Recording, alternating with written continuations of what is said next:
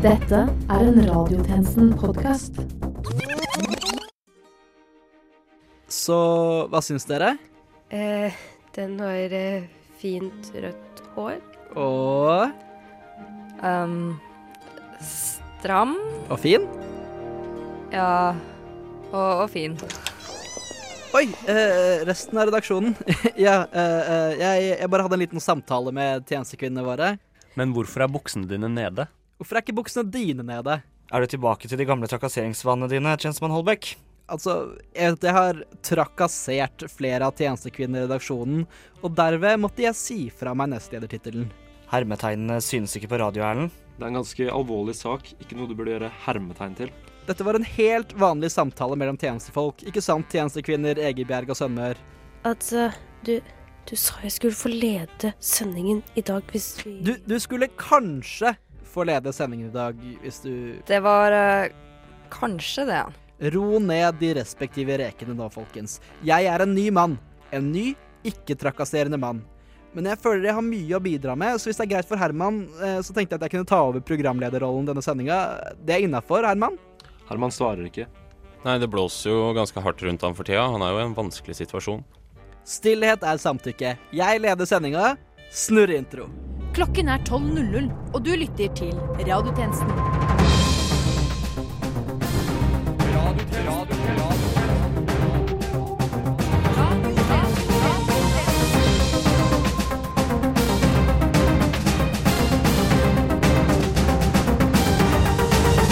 Velkommen til denne ukens Radiotjenesten. Mitt navn er Erlend Lunde Holbæk, og dette er Nytt under solen. Politiet i Tromsø har lagt beslag på 66 kilo amfetamin. Riktig, de har arrestert meg, programleder Erlend Lunde Holbæk. Amfetaminvannene mine førte til et dramatisk vekttap. The Independent kan melde om at Skottland planlegger å forby sugerør av plast innen 2019. Dette suger, sier sugerørprodusenter om produktet sitt. De er ikke gira over lovforslaget.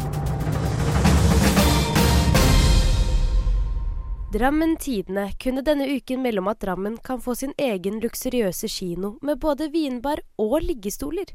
Det ambisiøse utsagnet kommer fra journalist Tore Alnes. Og Alnes, du mener altså at kinoen kan bli en realitet? Eh, det stemmer. Eh, det er uhyre spennende tilstander i Drammen om dagen. Eh, dersom alt går som vi ønsker, kan vi altså få vår helt egen luksuriøse kino. Så du tror at det kommer til å skje? Nei, nei, nei, nei, nei. overhodet ikke. Men, men jeg tror definitivt at det kan skje. Men dette er ikke første gang du kommer med spådommer om hva som kan skje i Drammen. Det stemmer. Jeg spådde annet at eh, Drammen kunne komme til å arrangere OL i 2002, noe som viste seg å stemme.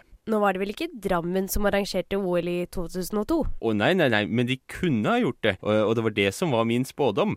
Det er som jeg liker Ja. å si, eh, Drammen det er byen der alt kan skje, men det meste ikke gjør det. Og du, du har jo skrevet en ny artikkel. Eh, 1001 ting som kan skje i Drammen. Kan vi høre et lite utdrag fra den? Eh, Ja, det kan eh, for eksempel bli fint vær, det kan eh, åpne en ny nærbutikk, det kan bli fare for torden i ytterligere strøk, det kan flytte inn en ny nabo, det kan være kø gjennom sentrum, så du må huske å beregne god tid, det kan ligge en mynt på bakken, det kan bare lillebror og bare bare han. Ja, det finnes knapt nok grenser for hva som kan skje i Drammen. Men sjansen for at det faktisk skjer, Nei, den, den er liten, så godt som ingenting. Er det noe du skriver om i artikkelen du tror at faktisk kommer til å skje i Drammen? Ja, jeg har ganske stor tro på ett av punktene. Som er Bilkø til Oslo. Du Du Du hø hører på på Radio Nova.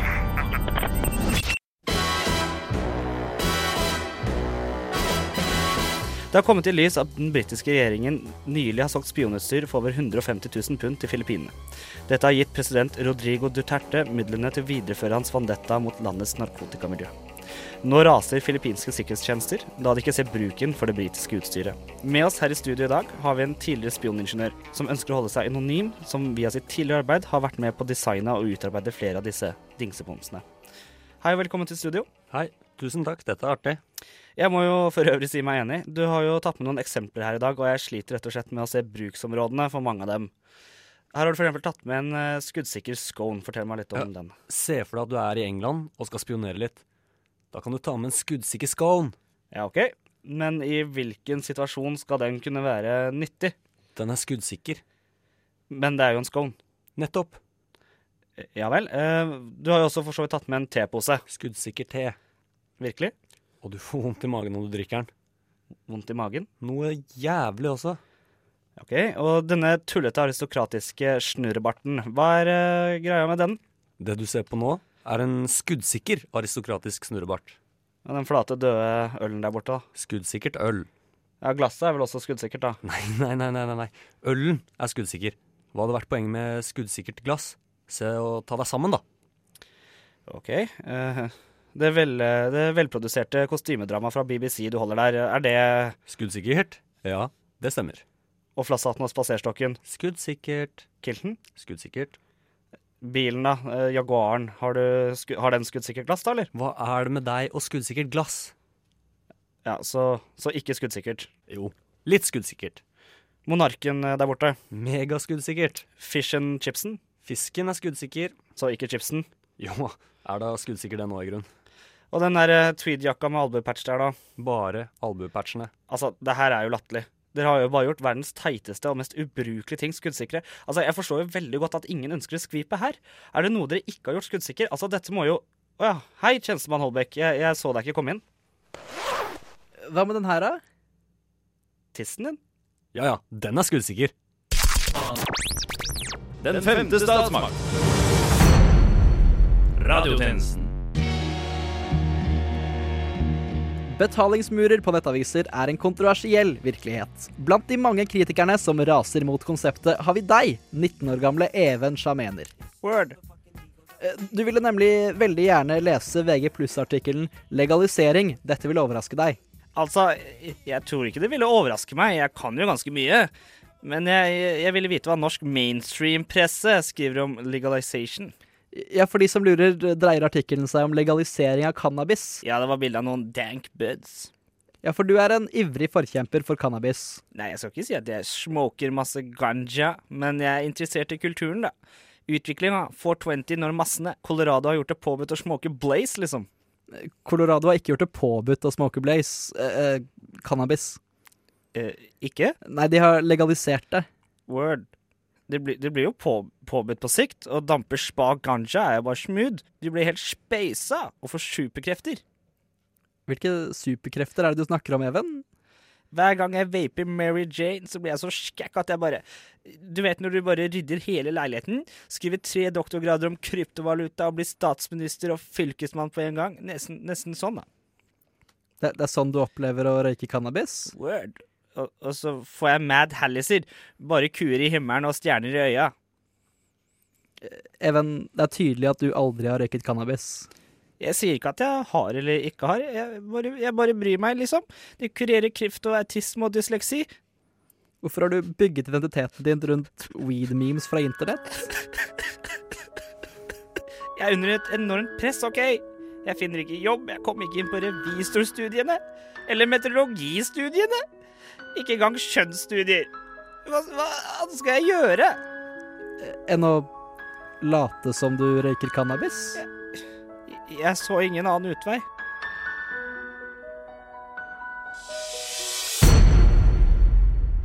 Stortingets byggeprosjekt, som begynte med et budsjett på 70 millioner, har nå gått opp til 2,3 milliarder. Norges befolkning har da stilt spørsmålet hva forventer vi å finne på det nye Stortinget? Jo, tjenestemann Holbæk, jeg har stilt dette spørsmålet til en rekke ulike personer for å få vite deres forventninger. Her står jeg med Mathilde på ti år, og Mathilde, hva forventer du å se på det nye Stortinget? Jeg tenker at de kommer til å ha haibasseng hvor alle de som er slemme, blir kastet nedi. ja, det hadde vært kult. Hva med deg, Karianne, som er pensjonist, hva forventer du? Jo, jeg tenker at de kanskje har bygget noen skammekroker, slik at alle de høyrefascistene i Frp kan eh, kjenne, kjenne litt på skammen. Wow, spennende. Eh, Forresten, du har en veldig kul eh, anarkistisk T-skjorte. Nestemann jeg spurte, er Per på 30. Hva forventer du å finne på det nye Stortinget for alle disse penga? Jeg tenker at solcellepanel og en velutstyrt resirkuleringsstasjon må jo være førstepri. Ja, du sier noe. Eh, og du, Janne, du er jo student. Hva forventer du? Mm, kanskje en bar? Eller fallem under alle stolene. Jeg hadde ikke sagt nei til å kunne ta en pils under komitémøtet, kanskje. Eller hatt en lett utvei når ting blir litt kjedelig. Ja, det er sikkert mange stortingsrepresentanter som ville sagt seg enig i. Nå står jeg her med 43 år gamle Kurt. Hva tenker du er noe vi kan glede oss til i det nye Stortinget? For en som stemmer i KrF slik som meg, så håper jeg kanskje på et uh, lite bønnerom. I, altså uh, som ikke er muslimsk, det er vel å merke. ikke verst, ikke verst. Men uh, her har jeg Halvard, sønnen min på 15. Og hva forventer du, Halvard? Altså, Jeg digger de som er i kontroll nå, så jeg tenker de kommer til å ha mange Segways. Liksom én til hver representant eller noe. Ja, Det gir jo mening. Men uh, speaking of Segways Tirsdag var Trond Giske invitert til Ap-møte i Surnadal. Et sted som på Dagsrevyen ble omtalt som milevis unna den urbane metoo-eliten. Samtidig har den urbane metoo-eliten hatt årsmøte i hovedstaden, og vi har vært flue på veggen under den historiske samlingen.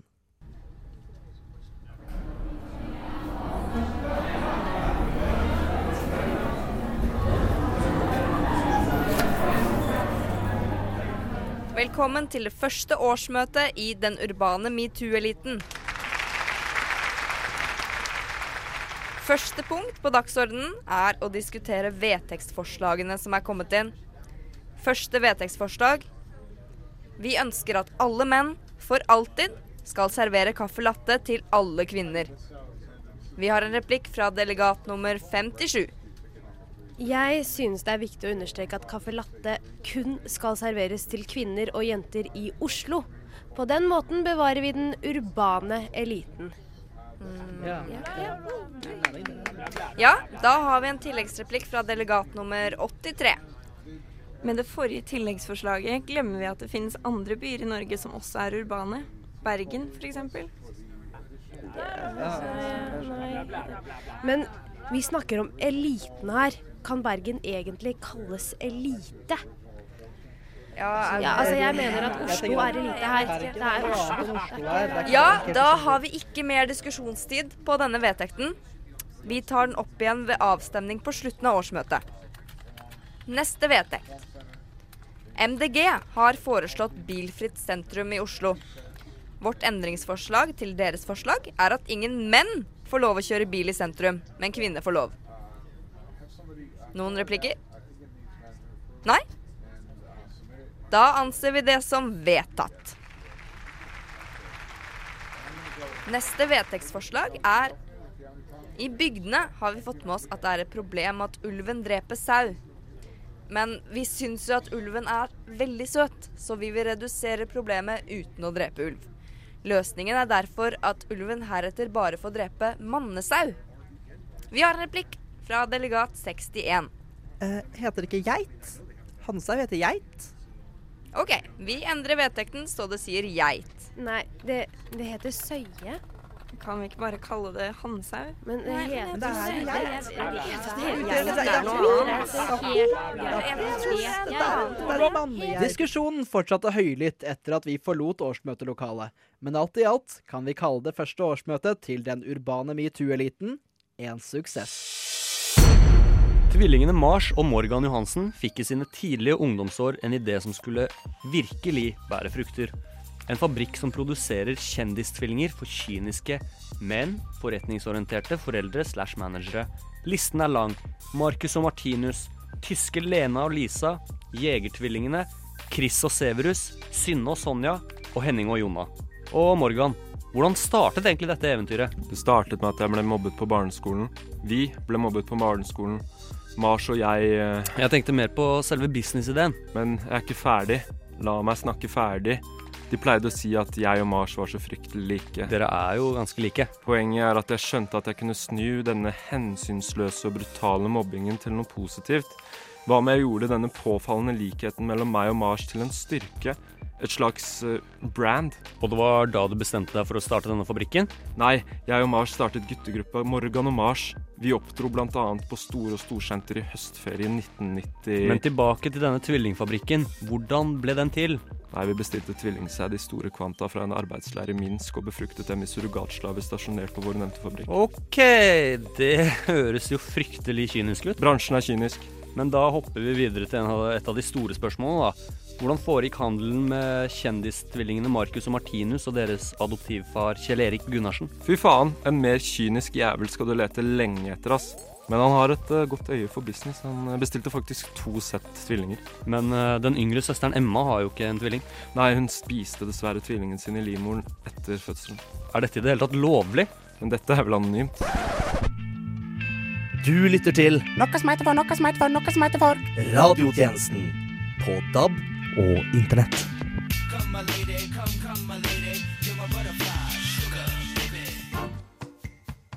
Den nye komedien 'Norske byggeklosser', der Atle Antonsen spiller mange rare folk som fucker opp huset til et ungt par, er en nyinnspilling av 'Norske byggeklosser', en film fra 1972 der Rolf Wesenlund spilte mange rare folk som fucket opp huset til et ungt par. Men regissør Arild Frølich har ikke tenkt å stanse der. Å nei da, jeg har fått smaken av nyinnspilling, og da skal jeg la nyinnspillingsskuta kjøre helt ved grunner på et isfjell. Beklager at jeg blander metaforer. Det går bra, og det virker som det går bra for filmen din også. Krysser fingra for det. Hvis norske byggeklosser gjør det dårlig, setter det store kjepper i hjulene på mitt neste prosjekt. Ja, og hva er det neste prosjektet ditt? Jeg skal lage en nyinnspilling av de andre norske filmene. Hvilke da? Alle de norske filmene. Vi starter rolig denne høsten med vår 2018-versjon av Orions belte. Orions belte er en actionfilm fra den kalde krigens dager med, med handlingen lagt til Svalbard. Hvordan tilpasser dere denne filmen for dagens verdensbilde? Vi tenker å gjøre noe med det frøhvelvet på Svalbard. Og så skal vi ha med Atle Antonsen, så da blir det fort 2018-stemning. Og deretter har du flere filmer du vil lage nye versjoner av? Ja, vi husker jo alle filmen Elling, men tenkte hva hvis Elling blir spilt av Atle Antonsen? Elling kom i 2001 og ble Oscar-nominert. Føler du virkelig den trenger en nyinnspilling? Har du sett hva vi konkurrerer mot? Det blir stadig vanskeligere å konkurrere internasjonalt, så vi må fornye oss. Og fornye filmene våre. Du kommer i hvert fall til å bli krenka av den tredje filmen jeg jobber med. Ja, for hva skal du nyinnspille nå da, Arild Frølich? Jeg reiser alene. Den andre filmen i Jarle Klepp-trilogien? Den andre og den eh, dårligste. Og, og hva skal du gjøre med det? Jeg vurderer å caste et nytt fjes som Jale. Jarle. Er dette nye fjeset Atle Antonsen? Det kan jeg ikke røpe.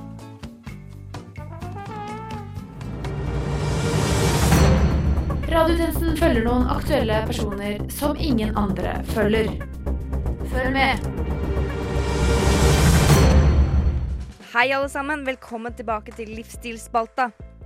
Denne uken skal det handle om noe viktig, noe jeg tror berører oss alle. Som ungdom, eller ung voksen, kjenner jeg veldig på kroppspresset i samfunnet. Det tror jeg vi alle gjør. Det er derfor spesielt vondt når vi møter dette i trygge, varme arenaer som vi føler oss hjemme i. Det er derfor ukens tema handler om eh, Du gjetta det McDonald's. McDonald's har i en pressemelding annonsert at de skal endre den trofaste Happy Mealen og gjøre den sunnere og mer kalorifattig. Kort sagt så skal de fjerne hamburgerne og cheeseburgerne og erstatte de med frukt og grønnsaker. Jeg personlig opplever køen på McDonald's som mitt fristed. Jo ja, klart jeg, som alle andre, kjenner på skammen når jeg går inn dørene på McDonald's på Grünerløkka. Men idet jeg står i køen, står jeg der sammen med likesinnede. Late, småtjukke livsnytere som bare vil ha et lettvint og blodåresperrende måltid. Der føler jeg meg trygg. Der føler jeg meg hjemme. Happy Meal er mitt happy place. Og denne essensielle følelsen har McDonald's-konsernet bestemt seg for å nådeløst angripe. I det siste har jeg også merka at uh, Doritos-posene på Deli de Luca har blitt mindre. Kinder Maxi-kartongene fra Europris har blitt lettere. Og Munchies putter stadig mindre søtpotetfries med i menyene dine. Fristedene våre er under angrep. Er dette en konspirasjon signert den blå, blå, blå, blå regjeringen for å gjøre oss slankere og billigere? Er det Illuminati som prøver å bryte ned selvtilliten vår? Blir vi kontrollert? Jeg håper dere alle tenker på dette i tiden som kommer. Ta tilbake kontrollen over kostholdet. Fristedene. Kroppspresset. Og når det er sagt, ukens pris for å være dårlig går til McDonald's Majorstuen, som gir meg stygge blikk når jeg bestiller Happy Meal. Heter det barnemeny? Nei, det heter Happy Meal. Er jeg glad? Nei, men jeg er en voksen kvinne som elsker cheeseburgere og billige leker, OK? Ukens økonomitips skulle være å kjøpe Happy Meals i stedet for vanlige menyer på McDonald's fordi de er så sykt mye billigere. Men hva er vitsen når det er fuckings frukt i dem? Men faen blir happy av knaskerøtter? Derfor er ukens økonomitips at du ikke bare kan selge trusene dine på nettet, men sokkene dine også. Men ass. Faen ta McDonald's. Ses neste uke.